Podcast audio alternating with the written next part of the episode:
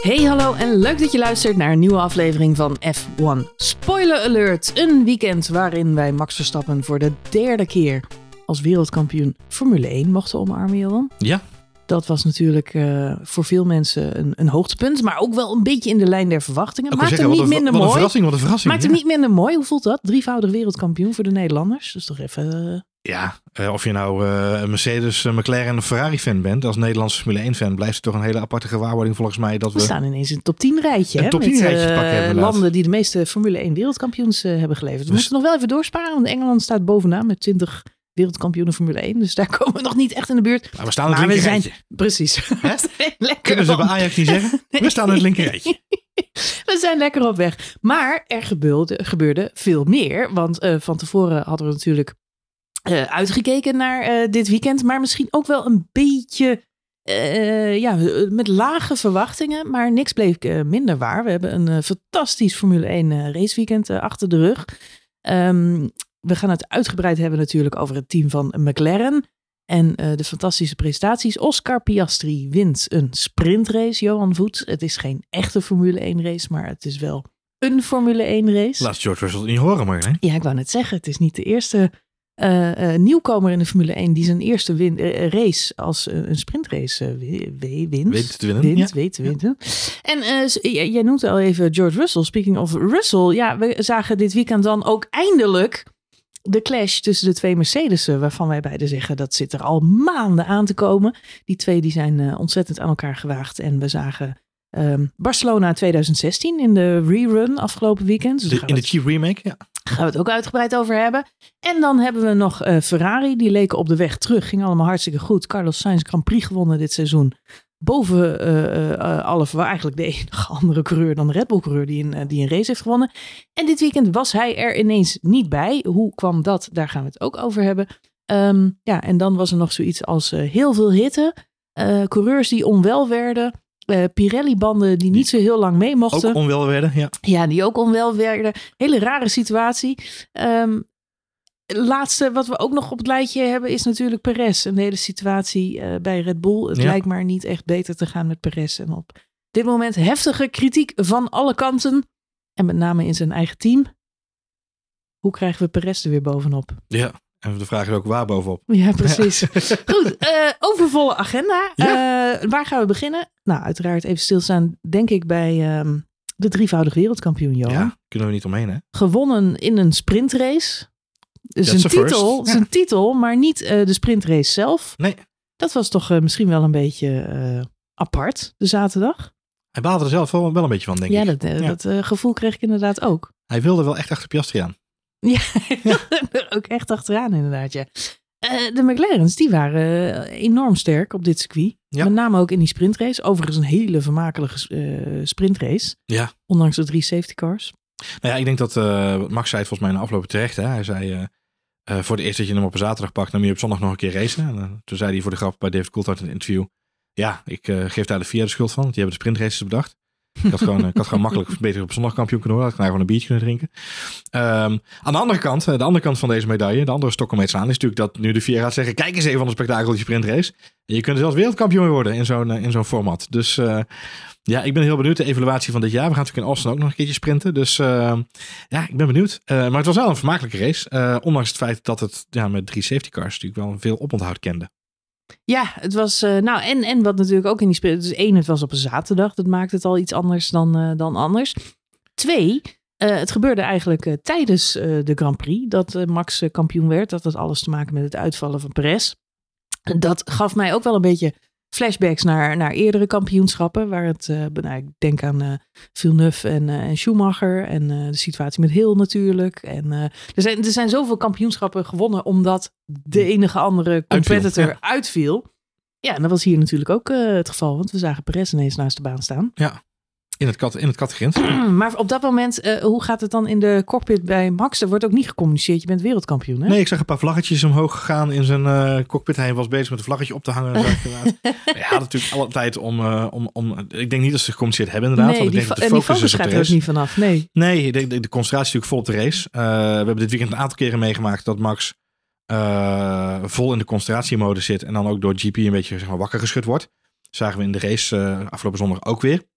Dat hij ineens wakker wordt uit een soort van flow waar hij in zit. Mhm. Ik denk dat zaterdag ook niet anders was. Ik denk dat eh, als je kijkt naar de rondetijden die Max Verstappen natuurlijk gemiddeld rijdt in een race. Ja, daar moet je een soort van robot voor zijn. Dan moet je in een soort van zen-toestand eh, eh, bijna gemediterend over die baan gaan, denk ik. Dus ik denk dat ze bij Red Bull gewoon afgesproken hebben van wat er ook gebeurt, ik wil het niet weten. Aan de andere kant, Max ziet het grote scherm, dus ziet ook wat er gebeurt. Dus die heeft het heus wel meegekregen. Alleen ik denk dat ze er geen aandacht aan besteed hebben.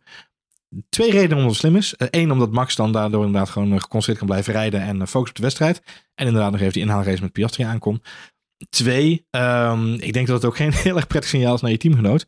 Als je al begint te vieren in de auto uh, als hij eraf schiet. Dus ik denk dat ze dat politiek gezien ook heel goed hebben opgelost uh, bij Red Bull. Ja, dat, uh, hij zal ongetwijfeld de andere Red Bull in het grind hebben zien staan.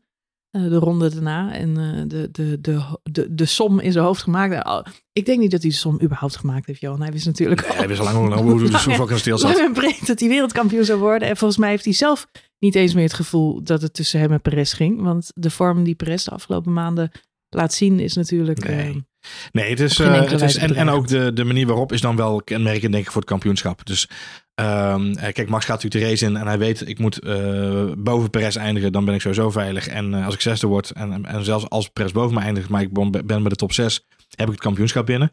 Nou, met die Red Bull is dat geen uitdaging feitelijk. In dit deelnemersveld. Leek nog heel even spannend te worden natuurlijk met die start. Uh, de, de mensen met een uh, uh, ambitie om hoger te eindigen op de softs in de, in de start. Met onder Mhm. andere de Mercedes natuurlijk ook. Ehm, maar zowel McLaren als, als Red Bull natuurlijk op de mediums. en waarop Max Verstappen ook na afloop keurig zei van ja weet je, we wisten eigenlijk al zodra we met die mediums gingen starten van die, die, die, die race komt naar ons toe. Hè. Die softs die zijn leuk voor een rondje of twee, drie, maar dan is het ook wel een beetje klaar. Dan schoei je er wel vanaf. En dan gaan wij die race gewoon naar ons toe trekken. Dat zeiden ze bij McLaren ook tegen Piastri. uh, dus dat was geen verrassing. Uh, ondanks het feit dat het nog wel heel even spannend aan toe ging in die eerste rondes. Uh, en met name in bocht 1. Ja, het maakte de sprintrace wel heel spannend. Want jij zegt het, hè, de rode band was achteraf de verkeerde keuze. Maar can't blame him for trying. Dat ze in elk geval wel een, een poging doen om de aanval in gang te zetten. En wat de sprint zo interessant maakte, dat waren die drie safety car situaties. Want wat je eigenlijk zag, dat elke keer als de coureurs een paar ronden achter de safety car hadden gezeten, gingen die rode bandjes ineens wel weer lekker. Ja. Dus die rode bandjes, er zijn ook van die grafieken uh, waarop je dat uh, goed kunt zien. De rode bandjes die uh, uit de startblokken hartstikke goed.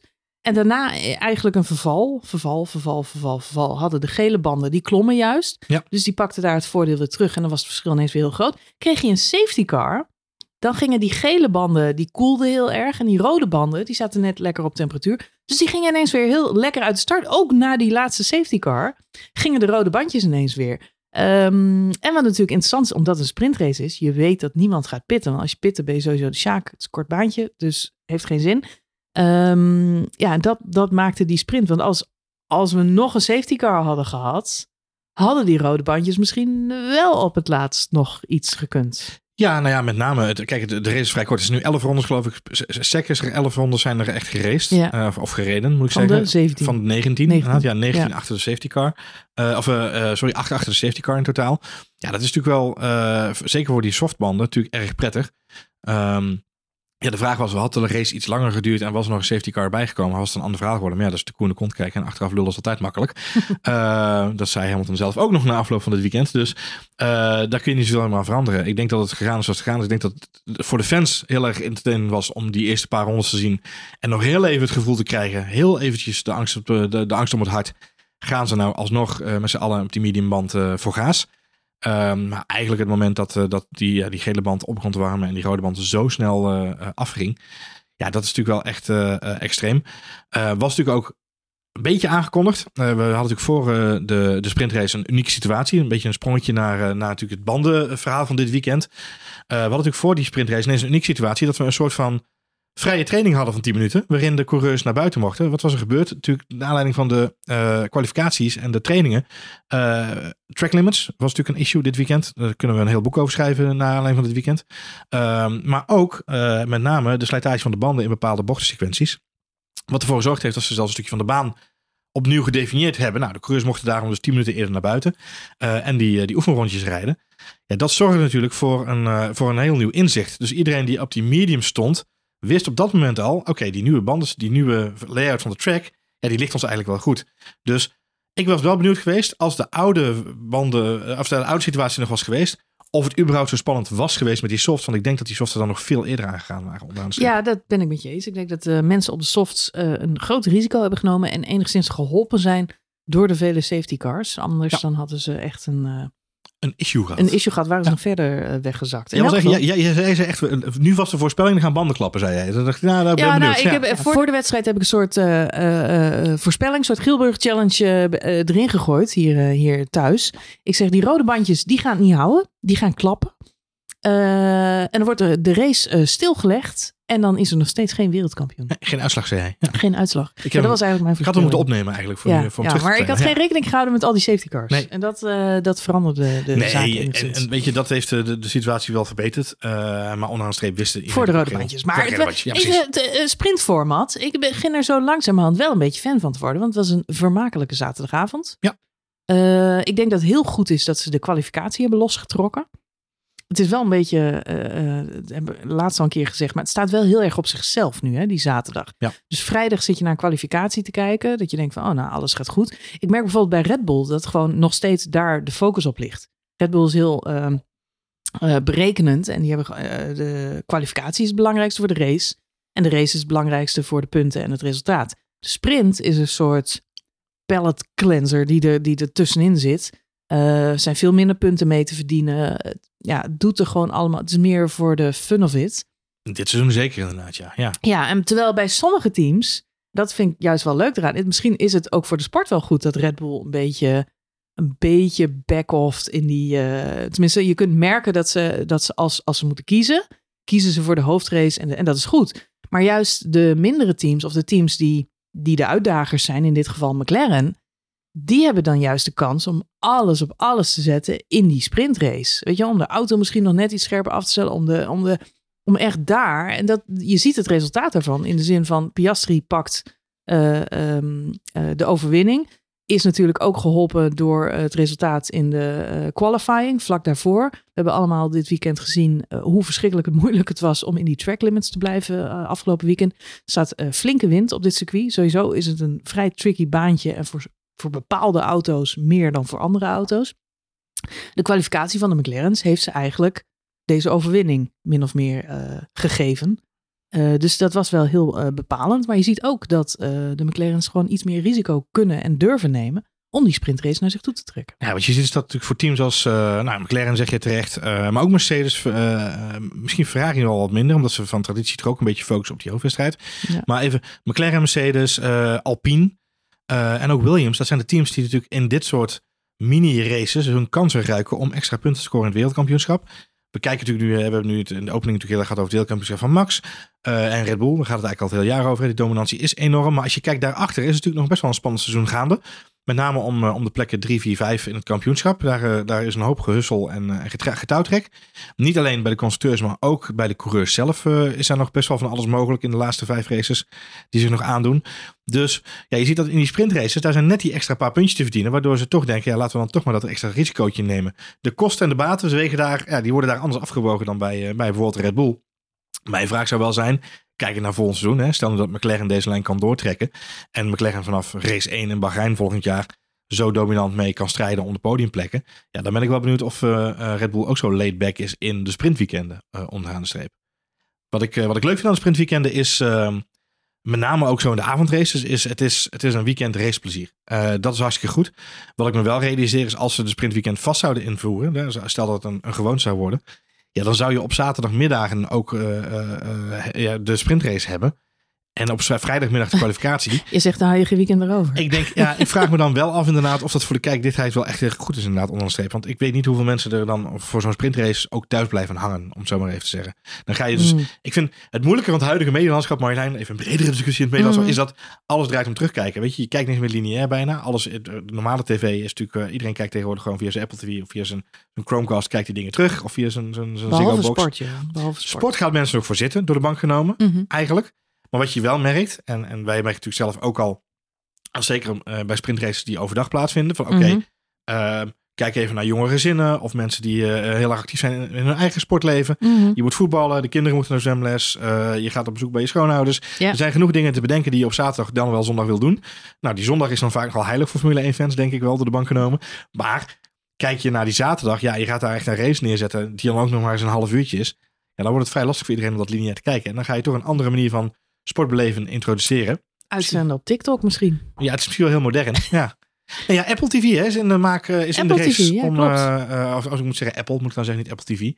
Maar uh, Apple is in de race om de licentie binnen te halen voor Formule 1 en dat dan uh, via Apple TV Plus te gaan aanbieden. Ik ben heel benieuwd. Het zou weer een flinke verandering betekenen. Nou ja, ik ben dan wel benieuwd. Kijk, we hebben nu in Nederland hebben we Viaplay en, en we hebben natuurlijk de samenvattingen bij de NOS en bij Ziggo. Um, ik ben wel benieuwd. Uh, het wordt nu duidelijk dat Viaplay ook de F1 TV stream gaat aanbieden hè, in hun, uh, in hun livestream versie. Ja.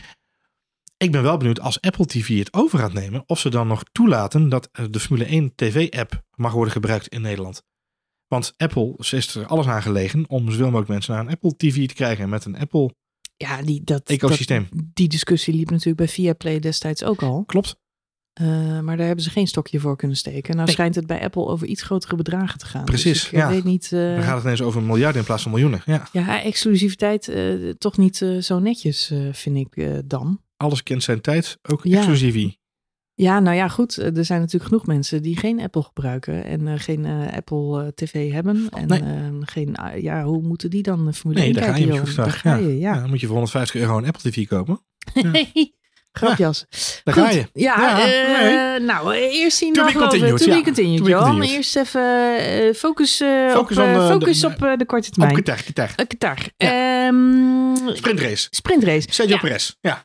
Nou ja, Sergio Perez. Wil je het over Sergio Perez hebben? Nou ja, dat is wel uiteindelijk de reden waarom Max Verstappen wereldkampioen wordt. Is dat Sergio Perez zich weer eens in een situatie wringt waar hij niet moet zijn.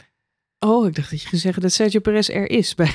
dat is inderdaad de reden dat hij wereldkampioen is. Ja, Ja. Het, het is eh, niet... eh, ja, het, het was weer brokkenpiloot Perez, hè? Ik vond het kenmerkend voor dit seizoen. Ik denk dat het de meest exclusieve samenvatting is van het seizoen waar we naar hebben zitten kijken. Met name de tweede helft van het seizoen. Waarin Sergio Perez eigenlijk na Monaco gebroken klaar was. En, eh, en eigenlijk afgeschept kunnen worden terug naar de fabriek. voor een harde reset. Is niet gelukt. Is niet gelukt. Ehm, de zomerstop heeft hem ook geen goed gedaan onderaan de streep. Ik, ik vond dit was zo typerend Sergio Perez. En eh, hij komt gewoon niet voor de dag in die sprintrace. Hij komt niet vooruit. Hij komt niet eh, eh, voorbij mensen. En dan zit hij uiteindelijk wel in de plek waar hij weer kan gaan stijgen. Kan die plek gaan pakken. En dan wringt hij zich in een, in een onmogelijke situatie met twee andere auto's. Probeert hij door een bocht heen te komen waar, ja, waar twee al nauwelijks niet kan. Laat staan drie. Dan denk ik, ja, je bent er gewoon niet bij. Ja, er, zit, er zit ook weinig ontwikkeling in. Ik, ik zei net, wat raar is, is dat je vrijdag een kwalificatie hebt. Zaterdag een kwalie voor een sprintrace en een sprintrace. Wat dat wel interessant maakte, is dat heel veel coureurs op vrijdag al met die track limits te maken kregen. En dus al hadden kunnen leren van die situatie. En dat zie je bijvoorbeeld bij het team van McLaren. Eh Lennon Norris onder andere, die baalde als een stekker van wat er op vrijdag was gebeurd. I let you down, guys. Start uiteindelijk vanaf de tiende plek, omdat zijn laatste ronde ook wordt afgepakt. Weet uiteindelijk zichzelf in de hoofdrace nog naar het podium te rijden, wat onwijs knap is. Lennon Norris, fantastische race gereden. Ja. Maar Lando staat op het podium ook te balen, omdat hij weet wat er in de kaarten was geweest als hij op vrijdag gewoon goed gekwalificeerd had. Ja. Had hij misschien meer trainingsuren of wat dan ook, dan had hij die baan beter kunnen leren kennen. Dus hij baalt ook als een stekker, omdat hij ja, zich realiseert, ik zit nu in een goede auto, deze auto ligt dit circuit. Mijn teamgenoot die staat voor me, die heeft gisteren een sprintrace gewonnen. Ik denk dat Piastri en Lennon Norris onwijs aan elkaar gewaagd zijn. Ik denk niet dat we op basis van dit weekend kunnen zeggen, oh Piastri heeft de upper hand. Dat is echt eh, de rising star of de, de betere dan Lennon Norris. Dat denk ik niet. Mhm. Maar wat ik zie aan Lennon Norris, en dat vind ik juist zo sterk aan hem, hij was zelf heel kritisch op zichzelf. I let you down and I'm not good enough and my talent is. Hij had allerlei uitspraken eh, eh, ja, waarin hij ja, eigenlijk aangaf, ik ben, ik ben zelf niet goed genoeg. Ehm, maar het grote verschil tussen Lando Norris en Perez, en dat maakt dat ik Lando Norris wel erg goed vind, is dat hij een learning curve doormaakt dit weekend. Hij evolueert, weet je wel, de, de, de, de gebeuren dingen. En op vrijdag maakt hij heel veel fouten met die track limits. Op zaterdag is hij niet meteen foutloos, want hij krijgt er nog een paar aan zijn broek. Ehm, maar hij heeft er wel van geleerd. Hij is er beter op gaan letten. Hij weet waar zijn, waar zijn lijn ligt en waar hij waar die zich moet aanpassen, et cetera. Dat komt al tot uiting in de sprintrace, die al een stuk beter gaat.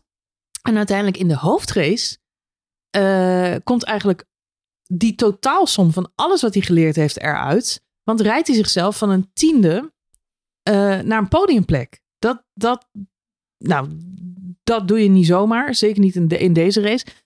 Lennon Norris was een van de eerste coureurs die doorhad uh, hoe de bandenstrategie, de verplichte bandenstrategie van de hoofdrace, um, uh, ja, bepalend was voor het verloop van de wedstrijd. Ja.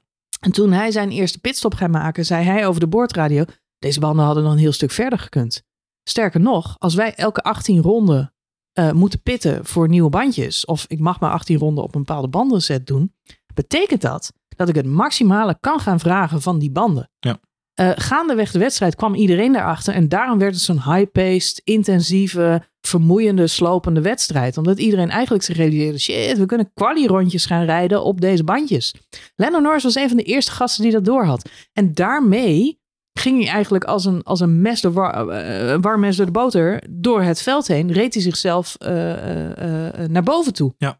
Dus met andere woorden, intelligente coureur leert, ontwikkelt zich vrijdag heel veel track limits, niet zo best. Maar weet ook waar zijn fouten zitten. En hij ontwikkelt zich. En uiteindelijk terug naar het podium. Sergio Perez, niks van dat al. Uh, volgens mij de coureur met de meeste track limits in het hele weekend. Bleef ze ook maar maken. Ook in de race. Uh, steekt altijd zijn neus op een plek waarvan ik denk, doe dat nou niet Sergio. En hè, toegegeven, Lewis Hamilton deed het dit weekend ook. Dus het kan ook uh, de beste coureurs op de grid een keer overkomen. Maar Perez is het de hele tijd zo. Het is fout op fout op fout op fout. Jij zegt net al, ja, hij, hij is in de lappenmand, hij is teruggestuurd en hij moet aan zichzelf werken. Het schijnt, ik las dat hij nu hè, een, een, een, een um, uh, psycholoog, een sportpsycholoog, dat hij daar nu mee werkt om hier uit te komen en zichzelf uh, weer terug te vinden. Ja. Als ik hem zoveel track limits zie maken en ook dus niet die opmars door het veld zie maken. Hij heeft de beste auto. Hij, heeft, hij rijdt in de allerbeste auto. De McLaren's waren heel goed dit weekend. Maar de Red Bull is nog steeds een fantastische, fantastische auto om in te rijden. Ja. Je ziet wat Max Verstappen ermee doet. Ja. Um, wat Lando Norris heeft gedaan, had Sergio Perez ook gekund, maar hij laat het niet zien. Ja, je, moet, je, je, moet Sergio Perez dit weekend afzetten van George Russell. George Russell gaat in ronde 1 van de race, komt hij achteraan te rijden. Moet hij zijn auto laten repareren, de pitstraat Eens. in. En George Russell eindigt uiteindelijk Eens. gewoon in de top 5. Eens. En onze grote vriend uh, uh, Sergio Perez, die, die komt niet eens de, voorbij plek 13 in de eerste fase van de race. Voordat hij Eens. alweer vijf seconden zijn broek krijgt vanwege de penalty. En Dus- zelfs iemand als Charles Leclerc, die ziet dat, want die stond na afloop van de camera en die zegt: Had je een goede dag? Nou, ik heb geen goede dag, want George Russell lag na de eerste bocht laatste Ja. en is voor mij gefinished. Precies. Daarom heb ik geen goede dag. Dus, en daar heeft hij gelijk in. Hij weet precies waar het aan lag. Ehm, en iedereen ziet dat. En Perez lijkt een soort van, weet ik niet, eh, mentaal op dit moment niet in de zone. Misschien ook fysiek niet helemaal in de zone. Het was een zware race, het is een intensieve race. Maar hij laat natuurlijk, kijk, laten we opstellen, terug naar die zaterdag dan even heel snel. Hè, want daar laat hij dan uiteindelijk de beslissing vallen zelf. En wat, voor mij dus typerend is aan dat verhaal, en precies wat jij zegt, hij zit niet in die zone. Op zondag kan ik dan nog bedenken, hij heeft, eh, hij heeft gedacht, eh, geef mij een portie maar Vicky. Eh, ik eh, ik eh, heb er geen zin meer in. Ik ga deze race uitrijden. Ik ga ervoor zorgen dat ik veilig blijf. En ik ga zorgen dat ik niet oververhit raak. En dan waar ik eindig, zal mijn roesten. Want ik ben toch niet, niet meer in het race voor het kampioenschap. Dus ik kan me voorstellen dat hij een zak en as zat op zondag. Naar aanleiding van die zaterdag. Maar die zaterdag, dan heb je de. Weet je, ook al weet je, ook al weet iedereen in de wereld dat het een kwestie van tijd is voordat het zover is. Dan heb je de kans om jezelf te laten zien als een strijdbare teamgenoot. En als iemand die kan laten zien: oké, het, is dit, het is dit jaar niet naar me toegekomen, maar ik ben wel weerbaar. En dat is ook hetgene wat Christian Horner maar uiteindelijk verwijt dit weekend: is hij is niet weerbaar, hij is niet strijdbaar. En waar op dit moment Piastri en, en eh, Norris, Sainz en Leclerc, Hamilton en Russell, die vechten elkaar de tent uit. Mhm. Dat gebeurt bij Red Bull niet, omdat Sergio Perez er niet is, die geeft niet thuis. En dat is met name op die zaterdag, dat ik denk, je hebt een bagger kwalificatie gehad, je hebt een bagger start in je sprintrace, zorg dat je jezelf eh, er, er bovenop zet en dat je probeert zoveel mogelijk te- eh, plekken te winnen. En dan komt hij uiteindelijk in een hele maf situatie terecht, waarbij hij, als hij geduld heeft, want precies wat jij zegt, hij zit in de beste auto, dus een slimme coureur die zegt, ik moet in ieder geval zorgen dat ik strijdend ten onder ga vandaag. Dan ga je niet in die bocht waar hij uiteindelijk ten onder gaat nu, ga je niet daar je in een gevecht mengen tussen Ocon en Hulkenberg. Dan laat je Ocon en Hulkenberg het lekker uitvechten. Dan pak je een, een bocht later pak je Hulkenberg en twee bochten later pak je Ocon. Want je rijdt in de freaking Red Bull.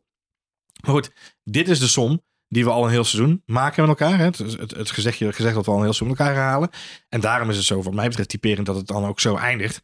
Touché en in de grindbak.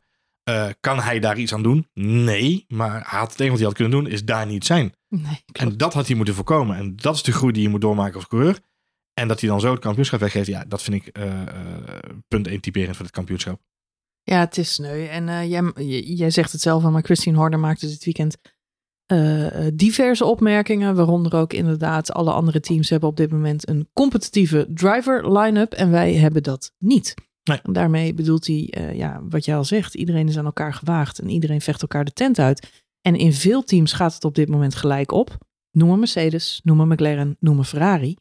Um, en waarschijnlijk uh, ook nog wel heel veel, uh, veel andere teams. In sommige teams is het wat minder gelijk, zoals Aston Martin of Williams. Maar um, door de bank genomen hebben veel teams gewoon, zeker nu, op dit moment een hele sterke pairing. En het maakt Red Bull zwak. Ja, kun je zeggen, die kritiek is dan nog mild. Hè? Er zijn mensen, ik zag mensen die reageren. Nou, ik, ik vind, uh, vind uh, Horner nog lief voor hem. Naar aanleiding van zo'n van zo'n online ook Ja. veel mensen die zeggen, ja, hij is wel heel erg lief. Maar alles heeft een, uh, heeft een bepaalde waarde, een bepaald gewicht als dingen gezegd worden. En als je je realiseert dat we drie weken geleden nog met z'n allen in, uh, op de banken stonden. Omdat we boos waren op Mercedes. Omdat ze kritiek hadden op de. Hè, want Hamilton had sterkere teamgenoten gehad in zijn carrière. Uh, en daar stond Horner Perez nog te verdedigen. Mm -hmm. In die situatie.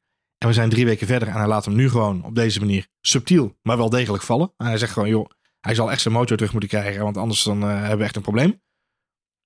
Ja, dat maakt duidelijk. Joh, Perez, je mag dit seizoen lekker uitrijden. Maar je zult volgend seizoen echt moeten laten zien waar je van gemaakt bent. En eigenlijk in de komende vijf races nog. Want anders hebben we genoeg achter de hand. Want laten we eerlijk zijn, met Ricciardo en Lawson hebben ze in principe genoeg achter de hand. Ja, de, denk jij dat? Speaking deze, of? Ja, de, deze rol die nu vervuld wordt door Perez in de tweede seizoenshelft binnen Red Bull, die kan, die kan Ricciardo ook vervullen. Sterker nog, dat heeft hij met verven gedaan bij uh, McLaren onder andere. Nou ja, ik, ik denk aan Ricciardo nog steeds aan het dramatische seizoen dat hij bij McLaren heeft gehad. Waar hij ook uh, eigenlijk uit de, de, auto is gehaald. Om, uh, omdat Lennon Norris hem compleet compleet naar huis rijdt. Ik denk niet dat Daniel Ricciardo, ja, tenzij hij wel weer de opwaartse lijn heeft gevonden. En dat is natuurlijk de vraag. Maar hij zat in dezelfde negatieve spiraal als, als Perez nu. Nee, eens. en of hij er mentaal en fysiek en racetechnisch weer uit kan komen. Die vraag stel ik bij beide coureurs. Ja, maar ja, tweede vioolspeler zoals, zoals Perez het nu doet. En het aantal punten dat hij nu haalt voor het kampioenschap. Dat Mhm. mm -hmm. kan Ricciardo in die auto ook. Daar ben ik wel van overtuigd. Ik denk dat uh, Ricciardo het jaar bij McLaren, zeker het tweede jaar, in een tractor zat. Dat zat Norris ook. Alleen Norris haalde daar meer uit. Norris was daar al de betere coureur. Dat, waren we, hè, dat was vrij duidelijk. Maar Ricciardo zat natuurlijk ook niet in de beste auto van het veld. Ik denk dat als je Ricciardo nu in deze auto zet, ondanks het feit dat hij dan misschien mentaal nog niet de oude Ricciardo is, uh, voor zover dat nog mogelijk is, denk ik nog steeds dat hij in staat is om de punten binnen te halen. Want hij heeft racecraft genoeg. Alleen de vraag is eventjes, welke mindset stap je die auto in? En, en dat is op dit moment het probleem bij Perez. Want ik denk dat Perez ook nog steeds kwalitatief goed genoeg is om gewoon elke keer tweede of derde te worden in deze auto. Alleen, de mindset is op dit moment niet. Nou, dat, dat vind ik een uitdaging. Eens. Hey, um, de Grand Prix van Mexico staat nog op de kalender. Ja.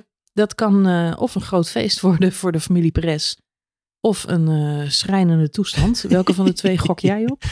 Um, nou ja, ik denk dat het altijd een schijnende toestand wordt voor de familie Perez. Want de familie Perez wil natuurlijk heel graag daar winnen. Dat hebben ze al eerder uh, laten vallen. Dat ze het liefst de race een keer zouden winnen.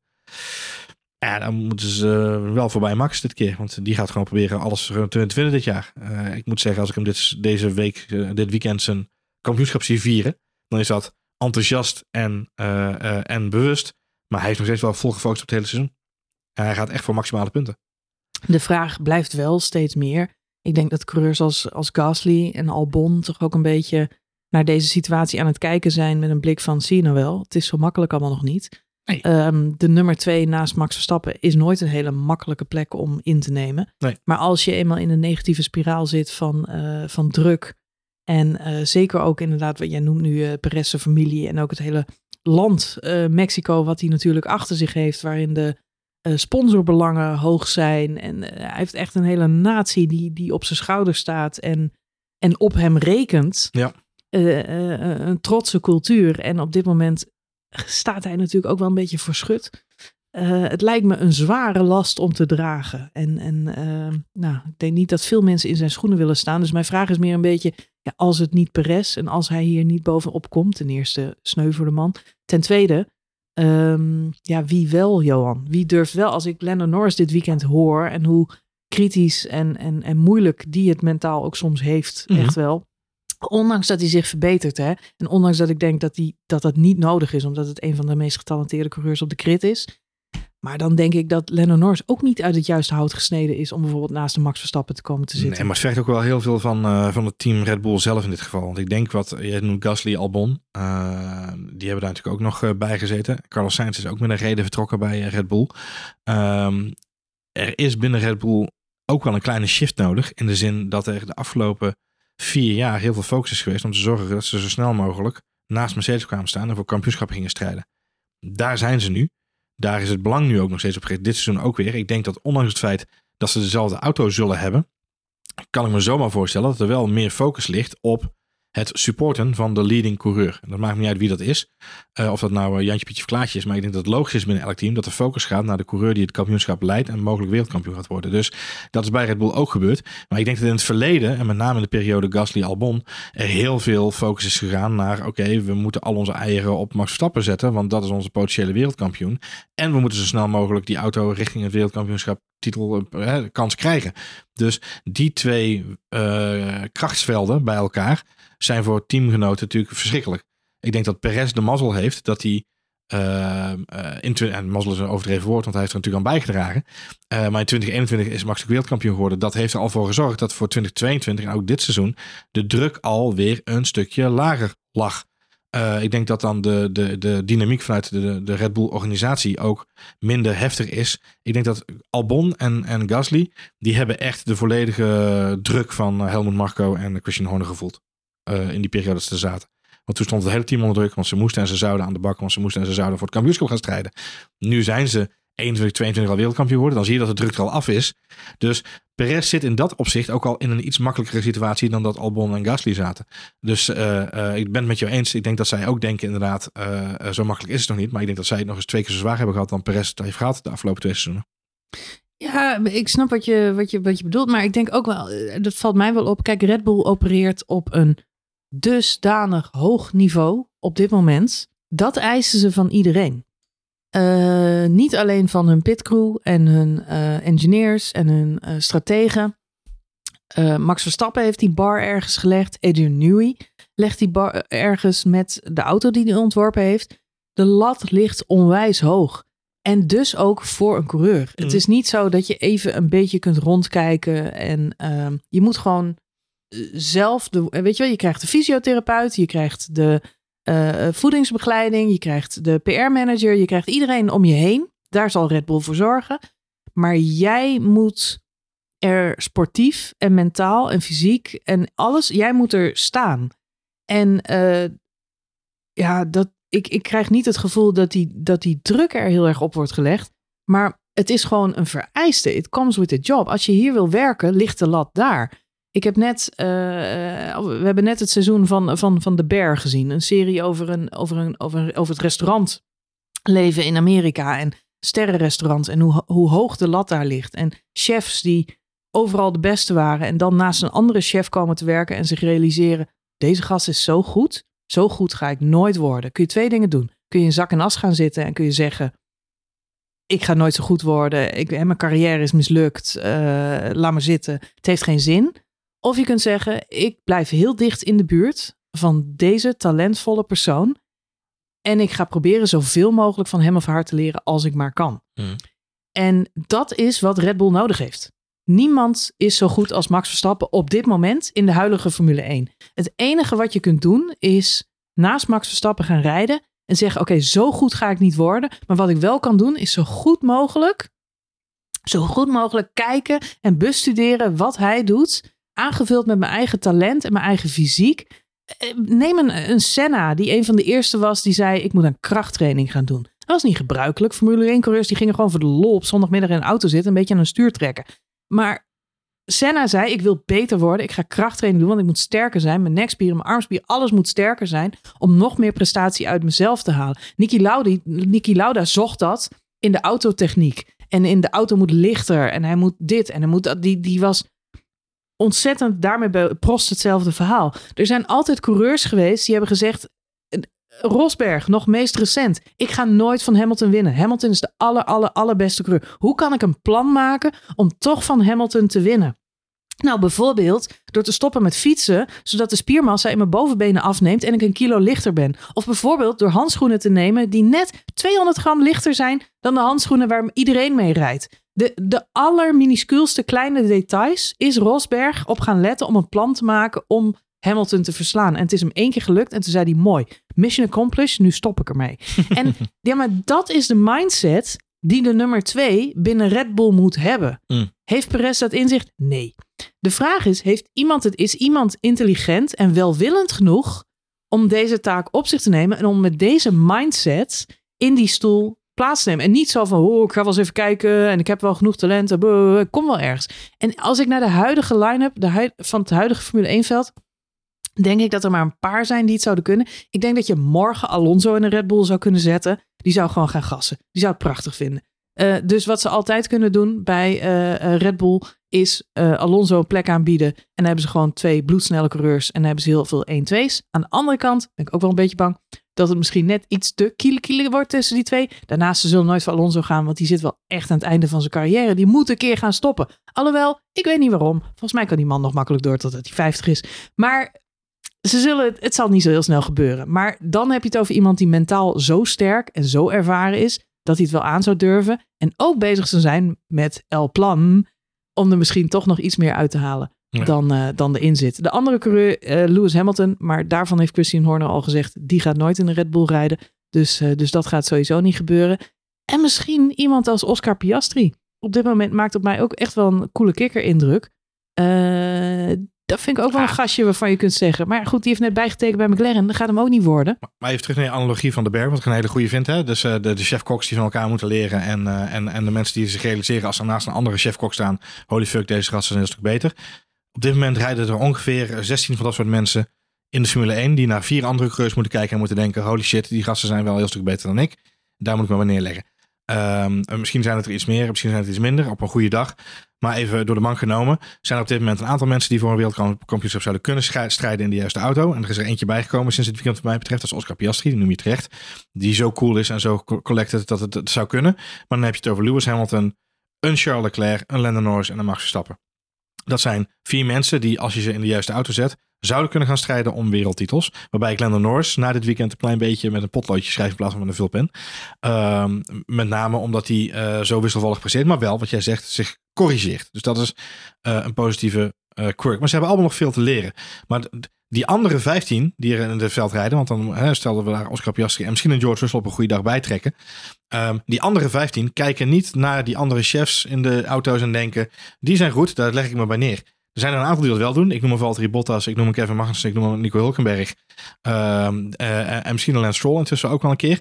Eh, die denken, weet je, ik mag blij zijn dat ik hier rondrijd. En ik ben blij dat ik hier mag zijn. En dat ik dit, dit en mag meemaken. Dat ik hier heel veel mag leren. Maar die andere coureurs willen allemaal het liefst zoveel mogelijk punten halen. En, en strijden om kampioenschappen. Dat is wat ze in hun hoofd hebben. Ehm, ook een Alonso. Eh, Alonso gaat nooit een tweede coureur worden bij een team. Dat gaat gewoon niet werken. Dat zijn mensen die, die mentaal gemaakt zijn om eerst coureur te zijn. Lewis Hamilton geldt hetzelfde voor. Ehm, bij Red Bull, als mensen bij Red Bull tekenen, dan doen ze dat omdat ze willen strijden om een wereldkampioenschap. Dus iedereen die je bij die auto naar binnen gaat halen, moet iemand zijn die wil strijden om het wereldkampioenschap. En Nou, dat, dat is Fernando Alonso. ja, maar dan ga je de situatie creëren dat er twee hanen zitten te vechten om die plek.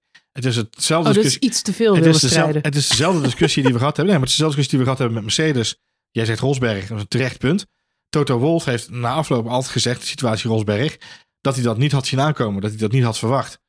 Ze hadden verwacht dat ze met Rosberg een goede tweede coureur in huis hadden gehaald. En de strijd die ontstond tussen Rosberg en Hamilton, als oude vrienden, had hij nooit zo zien aankomen. Die ontstond en die werd heftiger en heftiger en heftiger, totdat het punt dat het inderdaad misging. 2016 als voorbeeld.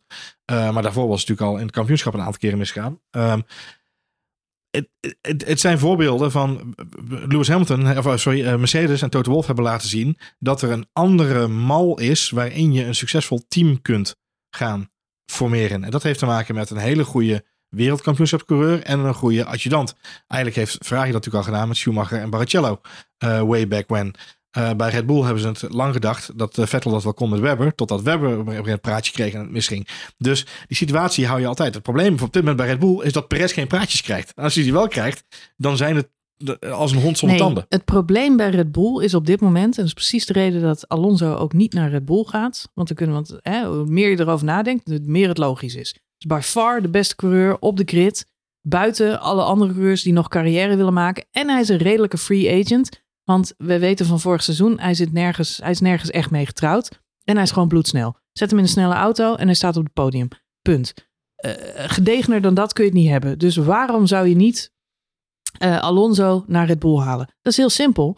De reden is, Red Bull heeft dit jaar de constructeurstitel gepakt.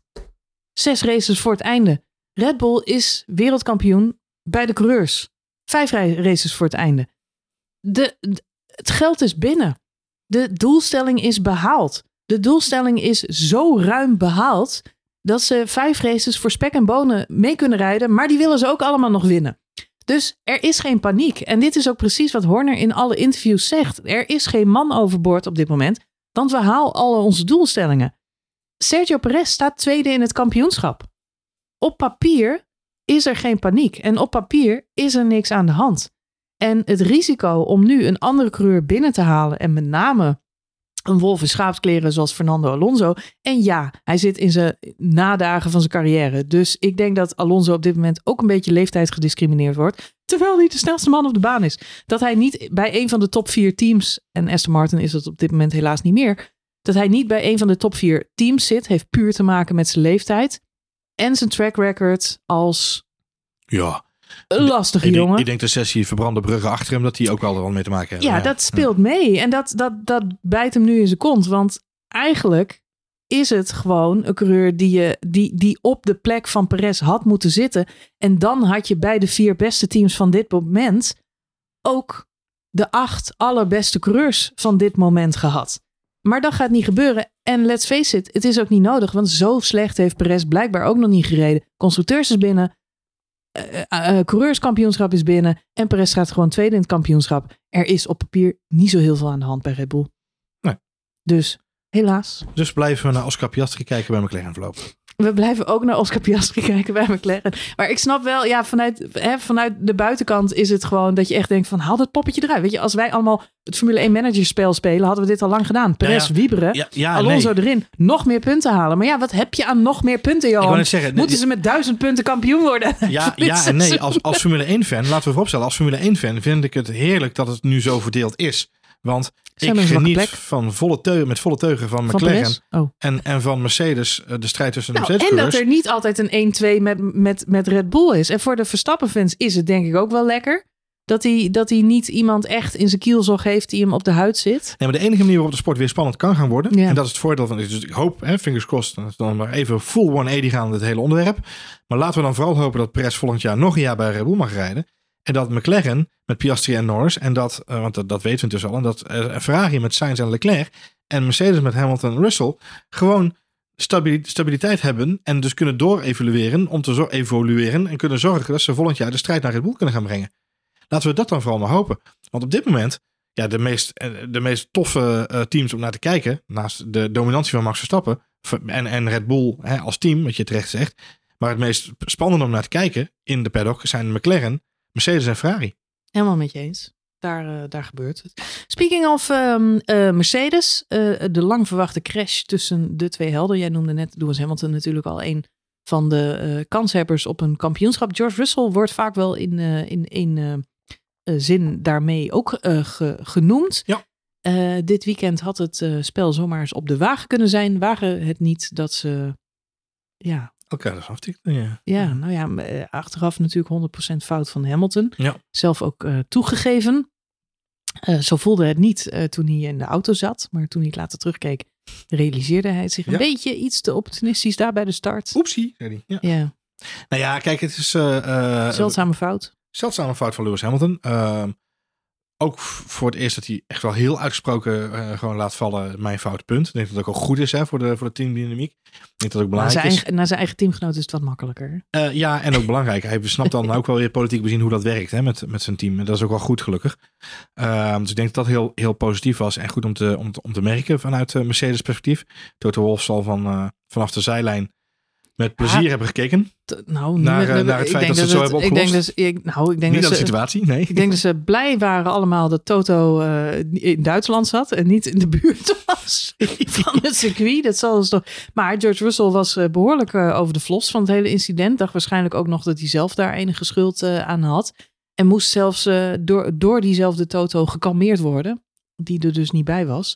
Maar op afstand eh, wel een lijntje had met het team. Ja. En echt tegen eh, Russell moest zeggen van keep your head down en eh, focus on the race. Toto was lekker hybride aan het werk.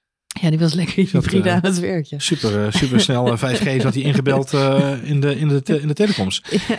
Nee, kijk, voor Hamilton vooral balen. Want die had natuurlijk een grote kans kunnen maken om weer stappen te maken richting Perez dit weekend ook. Met name dat Perez ook geen hele lekkere race rijdt. Nee. Eh, in, het- in het eh coureurskampioenschap, hè, de driver competition. Sergio Perez op 224 punten na het weekend. Lewis Hamilton na het weekend zonder punten dus. Eh, maar op 194 blijven hangen naar zijn eh, vijfde plek in de sprint. Ehm Fernando Alonso ziet dan inderdaad Lewis Hamilton eh, toch weer een beetje uitlopen eh, in die sprintrace. Maar kon dan weer gelukkig een beetje terugpakken in de race. Dus eh, blijft op 183, 11 puntjes erachter. Ja, dat, is toch bij Mercedes ehm, eh, zonder dat ze het laten gaan. En George Russell, eh, want daar ging het over. Die laat eigenlijk dit weekend zien dat hij best wel wat in zijn mars heeft. Want onderaan de streep, sprintrace, rijdt hij op die softs. Moet hij inderdaad als een malle aan de, in de verdediging uiteindelijk. Eh, weet hij dat die vierde plek ten opzichte van Hamilton te behouden. Hamilton zat wel op de mediums. Hè? Dus eh was ook veel discussie over moeten de Mercedes elkaar inhalen, ja of nee. hij weet Hamilton achter zich te houden. Ehm, en in de race, ja, we hadden het er net al heel even over. Hij, ligt natuurlijk na de, laatste, na de eerste ronde ligt hij eh, helemaal achteraan. Pitstop moeten maken en, en heeft hij veel tijd verloren. Maar weet dan vervolgens wel binnen aan een aantal ronden weer gewoon helemaal terug te klimmen. En uiteindelijk gewoon heel keurig op die vierde plek te eindigen. Ehm, en zelfs nog gewoon lange tijd in contention voor een podiumplek. Ik vind dat heel knap. Ja, dat was het ook. Het was een eh, knappe prestatie. Eh, ik, ik had wel een beetje flashbacks naar. eh, we hadden het net al, of ik noemde net al even Schumacher en, en, en Villeneuve. eh, eh, jaren geleden. Vroeger, 1997. Ehm, maar ik, ik zag eh, Hamilton op eenzelfde soort manier daar langs de baan staan. Met zijn handen in zijn zij. Ja, Kijkend of zijn teamgenoot nog voorbij kwam. En dat kwam hij. En toen kon hij afdraaien. daarna is hij naar de overkant gelopen. Was een dure oversteekplek. Ja, dat mag vijf- niet hè? 25.000 euro. Ja. Ja, dat is niet zo handig. Nee, Dat, ja, eh, wel terecht. Kan Vettel hem wel eh, vertellen. Dat is, eh, dat is een, eh, een, een, een, dure, een dure oversteekje geweest. Er zijn eh, slechtere bonnen te pakken. Maar ik denk dat onderhand streep... nou goed, hij zat eraan te komen. Ik denk dat het goed is dat hij geweest is nu. Hopelijk is dat nu druk een beetje van de ketel af bij die mannen. Zijn ze wat nadenkender. Hier geldt ook weer. Ik denk dat dit in de teambespreking had kunnen worden opgelost. Want ze hadden gewoon tegen Je George maakt kunnen toch een startplan? Nou ja, je had gewoon tegen George kunnen zeggen... achter je staat Lewis of naast je staat Lewis. Lewis staat op de softs. We hebben gisteren gezien in de sprint. Die softs gaan als de Jekko in de eerste ronde. Ja, Dus die gaat je waarschijnlijk inhalen. dus Geef hem de die ruimte. softs langs. Ja. Ja. Eh, maar goed, daar, daar is. eh, eh, goed, uiteindelijk maakt Lewis ook gewoon een veel te extreme stuurfout. Dus was daar ook geen houden aan. Ook al had George daar wel rekening mee willen houden. Dan was deze ingreep van Hamilton nog steeds wel heel erg scherp. Dus nou goed, het is geweest. Het gebeurt, is gebeurd. En ik moet zeggen, de, de prestatie van Russell dit weekend. Ja, positief. Onderaan de streep. Ik had niet gedacht dat ik het ooit zou zeggen. Maar Max heeft mazzel dat hij daar goed wegkomt. Ja. Ze schuiven echt, eh, wat dat betreft, eh, op alle manieren flashbacks naar Barcelona. Eh, vorige keer zat hij erachter in Barcelona, maar Ja. nu zat hij ervoor. Maar Klopt. ik was toch wel weer heel blij om die Mercedes zo langs de Red Bull... dat, dat hij ruimte had. Ja, precies. ruimte had. Dat de Mercedes niet bij de Red Bull in de buurt kwamen. en grote, grote winnaar daar natuurlijk Piastri en Norris met z'n tweeën. Ja, maar ik moet zeggen dat ik vind ook dat McLaren strategisch steeds sterker wordt. En we hebben nu al veel over, over bandjes gehad en strategie daarin. Eh, de sprintrace, om die op gele banden te rijden, was gewoon de slimste keuze. McLaren stond op de goede band, maar ook bijvoorbeeld Lewis Hamilton stond op de goede band. Ja. George Russell stond op rood. Ehm, ja, gewoon wisselende strategie, andere gameplan. Ja, maar dat, is- dat zie je aan George Russell. Het, het is natuurlijk een, een kweepeer af en toe. Maar tegelijkertijd is hij wel iemand die constant bezig is met zijn team. Kunnen we iets anders proberen? Kunnen we iets anders proberen? Kunnen we iets anders proberen? En, en dat, het zou mij niet verbazen als hij gezegd heeft na die 10 minuten practice die ze gehad hebben. Dat hij gedacht heeft, nou laten we het gewoon proberen op softs. Want de baan is aangepast. Dus ik denk dat misschien wel, misschien is het wel te doen. Ja, En ik denk dat meer mensen dat hebben. Want we hadden een mooi om en ommetje. hè. We hadden de top, de top drie volgens mij op, eh, op mediums. Dan weer drie op softs en dan weer drie op mediums. ja. Dus dat was mooi om en om in die top 10. Ehm, ik denk dat hij gewoon gedacht heeft, laten we eens kijken of we iets anders kunnen doen. En, en zo niet, stel dat ze dat wel de dag van tevoren bedacht Ik snap het, maar terug naar de analogie. Kijken wat de beste persoon, de beste team op dit moment zo goed maakt. En daarvan leren slash dat overnemen. Dat is wat McLaren op dit moment heel goed doet. Red Bull start op geel. Ja, McLaren maar- start maar- ook op geel. Maar ook weer niet, want strategisch maken zij ook weer andere keuzes. Hè? Met name ook in de Dat race. Hè? Ze eindigen uiteindelijk op, op de hards. Waar eh, ehm, ehm, eh, Red Bull een, een medium, hard, medium rijdt. Rijdt McLaren eh, medium, medium, hard. Ehm, en je moet je niet vergeten, eh, vergissen, ze kunnen het verschil niet maken met de coureur. Ze kunnen het verschil niet maken met de motor eh, en de afstelling van de auto. Dus ze moeten ergens proberen verschil te creëren. Dat is, Eh, en dat zit hem dan met name in de afstelling van de auto en natuurlijk in de bandenkeuze en de strategie die je, af, die, die afweegt. Dus ik kan me voorstellen dat George Russell die keuze maakt. Eh, maar onderaan de streep, ja, voor de sprintrace eh, moest hij uiteindelijk verdedigen, die vierde plek, hè, met, eh, met hand en tand. En in de reguliere race, ja, start hij natuurlijk in principe als tweede. Eh, is het natuurlijk heel gek dat hij dan helemaal wegvalt naar de laatste plek. Komt hij uiteindelijk goed terug tot P4. Piastri en Norris, 6 en 10, hè, die, worden, die starten gewoon zesde en tiende. En worden 2 en 3. Dat is natuurlijk gewoon ja, is het, gewoon het knap. voordeel van een, van een, een, een robbertje vechten zoals dit. Ja, dat is de een zijn dood, de andermans zijn brood. Het team van Ferrari, daar was wel het een en het ander aan, het hand, aan de hand dit weekend. We zagen eh, maar één Ferrari aan de start, dat was Charles Leclerc. Ja. We hadden het net al even over, over hem. Eigenlijk weer een onzichtbare race. Het is jammer dat ehm, Leclerc zo weinig in beeld is eh, dit seizoen. Kan weinig mooie dingen laten zien. Is natuurlijk wel sta- stabiel, maar baalde vooral van het feit dat George Russell uiteindelijk toch voor hem weet te finishen. Hij wordt vijfde. Carlos Sainz daarentegen komt niet eens van start. Dat, eh, vooraf wordt dat natuurlijk eh, aangegeven als een probleem met zijn ehm eh Benzinesysteem. Ja. benzinesysteem. Na afloop is ook wel een beetje duidelijk geworden dat de Ferrari ook gewoon in de compleet verkeerde setup naar Qatar is afgereisd. Dat was al een beetje te zien in de enige vrije training op vrijdag. Wie dan goed zat op te letten, zag dat er bij Carlos Sainz wel heel veel vonken van zijn auto afkwamen. Ja. Dat had alles te maken met die afstelling. Die was eigenlijk te laag. Ze hebben dat geprobeerd te fixen voor de eh, sprintkwalificatie in de sprintrace. En eigenlijk werd de auto daar nog veel onbestuurbaarder van. Dus ze zullen ook gewoon eieren voor hun geld gekozen hebben. En gezegd hebben, we gaan gewoon niet starten met die auto, want het heeft geen enkele zin. Wat Nee, denk jij? Kan zo een stuk rijden is, Ja. aanwezig. Nee, ja, ik, ik, denk, ik, ik, ik, ik denk de verkeerde afstelling is dan nog tot daar aan toe. Want dan heb je nog steeds wel de kans om op puur motorvermogen en eh, snellere auto om dan nog punten te halen. Ja, In een kampioenschap wat eh, echt wel om de punten gaat op dit moment, zou ik het heel gek vinden als ze die afweging daarom zouden hebben gemaakt. Dus ik vermoed eigenlijk wel dat ook dat motor, eh, dat, eh, dat brandstofprobleem er wel echt een, eh, een, een, eh, een aanleiding toe is. Ja, en daar ben ik dan weer niet door verrast, want ik heb echt het idee dat zij de afgelopen drie races een heleboel hebben lopen tweaken aan het brandstofsysteem, de- met name de brandstof toevoer en de verbranding van de motor. Eh daar is natuurlijk niet heel veel aan kunnen veranderen, maar met name dan de toevoer van de benzine natuurlijk, want de motor zelf is al afgesteld in de fabriek. Maar ehm, eh, om te kijken hoe zij meer vermogen uit die auto kunnen krijgen. Eh, natuurlijk een classic Ferrari move. ja, sinds Monza hebben we natuurlijk gezien dat ze, hè, we zeiden op Monza al van het zou mij niet verbazen, ze gaan er of vlammend van af of ze eindigen in de top 4. Nou, dat is gebeurd. De afgelopen races zijn ze er weer heel erg goed bij. Dit weekend klaagt Carlos Sainz los van de afstelling ook van het misfiren van de auto. Dus het feit dat hij eh, met gasgever gewoon echt eh, horten en stoten heeft. Hè, zo, even zo te Ja. vergelijken. Nou, dat is vaak cilinders en eh, benzine toevoer. Dus ja, daar, daar is echt wel wat getweakt de afgelopen weken. Niet alleen dit weekend, maar ook de, weekend, de weekenden hiervoor. Om te kijken hoe ze het maximale uit dat, eh, uit het paardje kunnen persen. En ik denk dat ze misschien wel net een stap te ver zijn gegaan bij Carlos Sainz dit weekend. Wat ze uiteindelijk in de bibs bijt. Want ja, helemaal niet starten betekent ook helemaal geen punten. En dat betekent dat eh, eh, Mercedes en, eh, en McLaren toch ook weer, weer wat kunnen inlopen en weglopen in dit geval.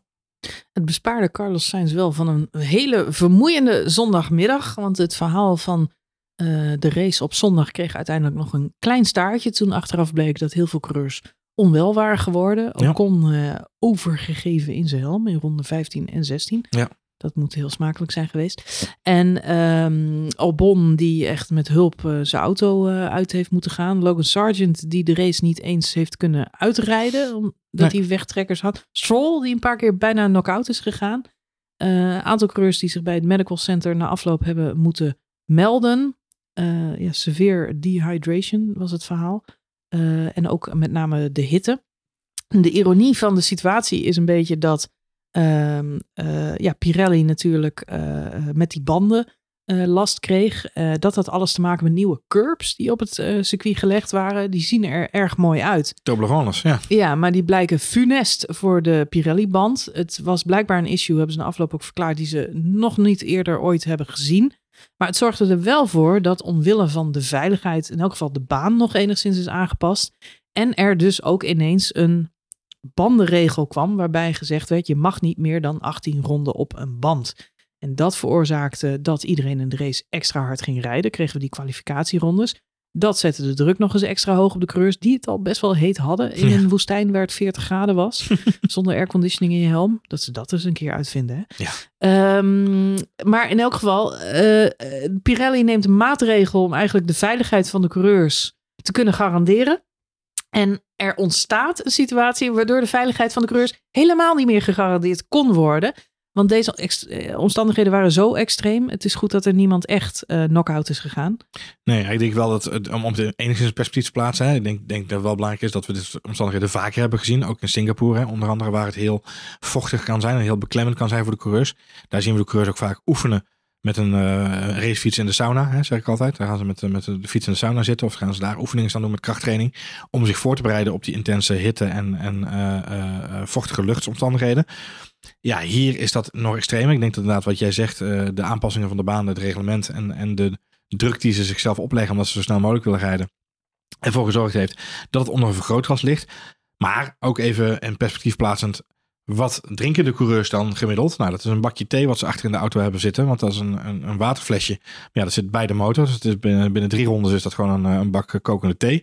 Ehm, wat gewoon niet te zuipen is. Ik moest terugdenken, ik, ik, eh, eh, stomme analogie, maar ik ging van de zomer, eh, toen het hier in Nederland ook zo lekker weer was, ging ik een potje beachvolleyballen. En eh, met beachvolleyballen had ik een bidonnetje bij me van eh, een, eh, een liter, hè, een liter fles eh, met water Mhm. en een beetje isotone mix erin. En eh, ik denk dat ik na een uurtje beachvolleyballen dat ik eh, dat flesje wel eh, helemaal leeg had. Omdat ik gewoon zo verschrikkelijk warm was. Het was een graadje of 26 hier in Nederland, hè, 27. Mhm. In dit geval was het 31 graden in, in Qatar. Zitten de mannen twee, bijna twee uur in een auto die ook nog eens opwarmt. Dus we- hè, het wordt nog veel warmer in die auto. Ehm, ik denk dat het gemiddeld wel richting de 60, 70, 80 graden gaat. de omgeving waar ze zich in bevinden. En ze hebben een flesje water, wat dan ook nog eens warm wordt, in de auto van een halve liter. Daar moeten ze dus eh, die eh, 57 rondes mee rijden. Ja, dat is gewoon wel heel pittig. Ehm, als je het vergelijkt met eh, nou, wielrenners of andere duursporters. eh, ja, dan is er gewoon wel wat meer kans op hydrateren. En dat was hier gewoon niet. Eh, en dat, dat Ik ja, zie een, een eh, nieuwe rol voor eh, Bottas. Ja, Die kan eh, langs de baan gewoon bidonnetjes aangeven. bidonnetje aangeven. Ja, Ja. ja. ook heel veilig. Ja, Ja. Dat doet hij goed. Doet hij Ja. bij zijn vriendin ook regelmatig. Nou ja, als het dan Dus Fernando Alonso had gelegen, had hij een eh, schep ijs in zijn... eh, geen schep Ja. ijs, maar een schep ijs in zijn... Het is eh, toch wel heel gekregen. komisch geweest om gewoon te zien hoe ze Fernando Alonso onder het ijs bedolven. Nou, het zou wel heel grappig zijn als ze dat hadden gedaan. En dan volgens een ronde later zijn elektronica uitvalt. Omdat een lekkage in zijn, in zijn, zijn cockpit is. Ah, ik hoop dat het goed gaat met de arme oude man. Nee, het is, het, was, het is intens. Het was heel heftig. Ik, ik, ik vond het wel ehm, tweeledig. Hè? Dus er zijn een hele grote groep mensen die zeggen... dit was te extreem voor de coureurs en het is levensgevaarlijk. Want dit zijn mensen die met, eh, met 300 plus kilometer per uur... over een autocircuit racen. Eh, en met name als je de beeld van een Stroll terugkijkt... inderdaad, als hij dan zo met zijn hoofd naar links en naar rechts zwabbert... omdat hij, hij zichzelf wegtrekkers heeft gehad op het rechte stuk... Ja, dat vind ik wel heel intens. Want als je inderdaad op het verkeerde met een wegtrekker hebt... en je stuurt niet lekker in en je klapt met 200, 300 km per uur tegen een muur aan... Ondanks het feit dat het allemaal eh, hele goede tech pro barriers zijn en allemaal veilig is. Gezond is het niet onderaan de streep. Het risico is natuurlijk extreem. Ehm, dus ik snap dat er mensen zijn die zeggen: ja, maar triathlon, eh triatleten zijn ook hele extreme sporters. En die doen dit ook. En die zijn veel extremere dingen gewend. Eh, dat klopt, maar die zitten niet in een auto die 300 km per uur gaat. Ik wou net zeggen, die zitten niet in een space shoot met eh 6 miljoen brandwerende lagen dat. en een... Nou ja, dat ook nog eens inderdaad. En ook en- dat nog eens inderdaad. Eh, en met G-krachten. Dus eh eh, ieder zijn meug als het gaat om eh, topsport. Laten we vooropstellen, het is allemaal topsport en het is allemaal eh gruesome, om het zo maar even te zeggen. Het is allemaal eh, verschrikkelijk eh, eh, eh, heftig om mee te maken. Eh, en ieder zijn meug als het gaat om, om, om absoluut topsport. De vraag is, is dit veilig voor autosport? Ik denk het niet. Eh en getuige ook het feit dat natuurlijk de FIA al een verklaring heeft uitgegeven. Dat ze de volgende keer in dit soort gevallen ook eh, zullen ingrijpen. En de race eh, op een andere manier zullen inkleden. Want dit was natuurlijk wel te extreem. Dit was eh, vrij extreem inderdaad. Extreme sports. Extreme sports, ja. Ja, het maakte natuurlijk ook nog uit of je beetje vrije lucht had of, eh, of echt in een close battle zat. Nee, eens. Want dat Maar je zag voor de hitte maakte alle dat zag je een hun groot helmpje verschil. open doen op het rechte stuk om een beetje lucht in die, in die helm te krijgen. Eh, dan kun je zeggen, doe dan net zoals bij de IndyCar, zet er een, een luchtsysteem op. Dat ze gewoon lucht krijgen aan de bovenkant en kabels. Voor, voor communicatie en zo. Ja, dat kan. Ah, Eh, bijvoorbeeld Max Verstappen, die stapte vrij relaxed uit. En die kreeg na afloop in de persconferentie ook nog vragen van, was dit een van de heftigste? En toen zei hij zelf van, nou, Miami twee jaar geleden vond ik heftiger, kan ik me nog herinneren. Want toen stonden ze echt zwetend en met ontbloot bovenlijf allemaal Ja, uit de na- wasem. uit de, uit de Ja. wasem. Maar dat was een, ander, een andere, eh, eh, eh, tenminste veel coureurs zeiden dat, was, dat is een andere fysiologische intensiteit Ja. dan wat dit weer, en wat ook wel he- heel erg bijdroeg. Charles Leclerc legde dat na afloop goed uit. Dus één natuurlijk, überhaupt de, de pakken die je aan hebt en het feit dat het, je kunt nergens heen. Die Nee. zit echt in een Nee, die warmte zegt, gaat nergens heen. die warmte gaat nergens heen, dus, dus je lichaam raakt echt fysiek eh oververhit. Het andere wat speelde is dat ze echt op alleen maar kwalificatierondjes aan het rijden waren. Dus de, de intensiteit lag veel hoger. Maar het maakte ook uit als je vrije lucht had. Ja. En eh, iemand als Max Verstappen kon natuurlijk ook redelijk de pace be- bepalen. Ja. Baalde uiteindelijk wel dat hij maar vijf seconden voor had op de rest. Maar goed, hij krijgt ook gewoon een richttijd mee voor zijn rondes. Wat genoeg is ja, om de McLaren's ja. achter zich te houden. Dus voor Max was het in veel opzichten nog steeds een hele gecontroleerde wedstrijd. Maar er zijn er genoeg die echt op het scherpst van de schede hebben gereden. Of eh, in een close battle zaten. Ja. Eh, Ja, nogmaals, eh, Lance Stroll, Alexander Albon, Logan Sargent zijn allemaal geen koekpannen en allemaal jonge, jonge atleten. Dus het zijn allemaal jonge mensen. Ik denk dat. En ook Piastri, hè, na afloop natuurlijk ook lang uit in de, in de cooldown room. Ehm Lennon Norris zweet natuurlijk als een, als een os na afloop. Eh, ze gaan er allemaal anders mee om. eh, maar ze hebben wel allemaal een tikkie gehad onderaan de streep. Ze hebben er allemaal wel last van gehad. En dus, eh, uiteindelijk hebben ze ook unaniem natuurlijk uitgesproken van dit was wel echt heel extreem. En een van de zwaarste races voor alle coureurs door de bank genomen. En dat er uitzonderingen zijn. De ene zit dan de andere of de ene heeft een makkelijke race. Nou ja, dat klopt. Maar als je kijkt een Albon hoe die uit de auto geshout moet worden. Ja, dat is gewoon niet gezond voor zo'n jonge atleet. Ik bedoel, eh, eh, dat, dat geeft aan dat het vrij extreem is. Eh, we zien mensen die een marathon gelopen hebben, zien we ook altijd eh, omvallen en eh, even overeind geholpen moeten worden. Dus het is niet, niet uniek in de sportwereld, in de topsportwereld. Maar het is wel, zeker omdat we in een auto zitten, toch wel behoorlijk pittig. ik denk dat bij Max de adrenaline van zijn derde wereldkampioenschap ook wel enigszins geholpen heeft. En de overwinning natuurlijk ook op zondag. Ja, misschien Om de champagne hem, die, er, die nog in zat. Ja, je weet Ja, champagne, champagne. weinig, Dat was er niet, hè? Was er Er niet. kwam Nee. weinig uit, Johan. Eh, goed. ehm, Dat was wel echt een falen, hè? Lennon Norris ook met het roze water dat hij nog probeert om dan oh zo'n man, trucje ik uit word er gewoon plaatsvervangend misselijk van als ik het zie. Het is gewoon een beetje sneu voor GP. Is GP er een keer bij? Kan niet ja, krijgt worden? hij die vieze meuk. Nou, ze hielden zich in gelukkig. Het Ik zou willen zeggen, eh, daar gaat zijn huis over van plakken, maar daar heeft GP geen last van. Nee, daar heeft hij geen last van. Eh, waar het ook warm is, eh, dat is in de komende vijf races. Want we gaan eh, de, ja, het zonnige zuiden eh, opzoeken. We gaan naar Texas, in, of eh, ja, Austin in Texas moet ik zeggen. Ja. Mexico direct het weekend daarna. Dat zijn de twee races die nog in oktober plaats gaan vinden. Niet volgend weekend, maar de week daarna. Ja. Een back-to-back raceweekend. Heerlijk, kijk naar uit. In november hebben wij nog een van de all-time favorieten van elke Formule 1 fan. En mijzelf inclusief. Brazilië op het programma staan. Fantastische race. De vraag is natuurlijk, gaat het regenen? Of is het warm in Brazilië? weet het nooit. Dat weet weet je nooit. nooit. Dat weet je nooit. En dan hebben we nog, eh, ik denk wel, een klein cadeautje in de vorm van Las Vegas. Wat misschien meer een showcase-wedstrijd wordt dan een serieuze eh, sportwedstrijd. Weet Een zaterdagavondrace. Ja, ik, ik weet nog steeds niet wat ik ervan moet verwachten, maar Nee. het zal wel crazy zijn. 11 uur, 11 uur s'avonds zaterdagavond, geloof ik. Dus dat ik is, heb geen eh, idee. ja, I'm in voor de entertainment. Show me. Ik laat het maar zien. En dan als allerlaatste Abu Dhabi, wat voor mij toch een beetje voelt als een soort verkapte wintertest. Want ik weet niet waarom we daar nog dan heen gaan met z'n allen eh, 26 november. Maar goed, het moet wel gebeuren. Hij weet niet wat er nog gaat gebeuren in die races daarvoor. De strijd om de plekken 2 tot en met Gaan we 5. nog een andere overwinning zien dan een Red Bull in de laatste vijf races? Ja, denk ik. Ja? Ja. Oeh. Gedurfde voorspelling. Er was er maar één dit seizoen, hè? Ja, maar ik denk dat het gaat gebeuren. Oh. Ja. Hmm. Ik denk dat Max, eh, daar gaat de drukte van af. Ehm, en ik, ik weet niet Hij of wil die... alles eh, winnen, zei hij gisteren. ja, maar dat is, dat is dan de persoonlijke druk. Hmm. Maar de druk van buitenaf is er wel redelijk vanaf. Hmm. Ehm, en dan moet, het, eh, dan moet ook alles mee blijven zitten. En ik denk dat je voor jezelf ook eh, moet realiseren dat, eh, dat er op een gegeven moment zal zijn dat hij denkt, laat me even gaan.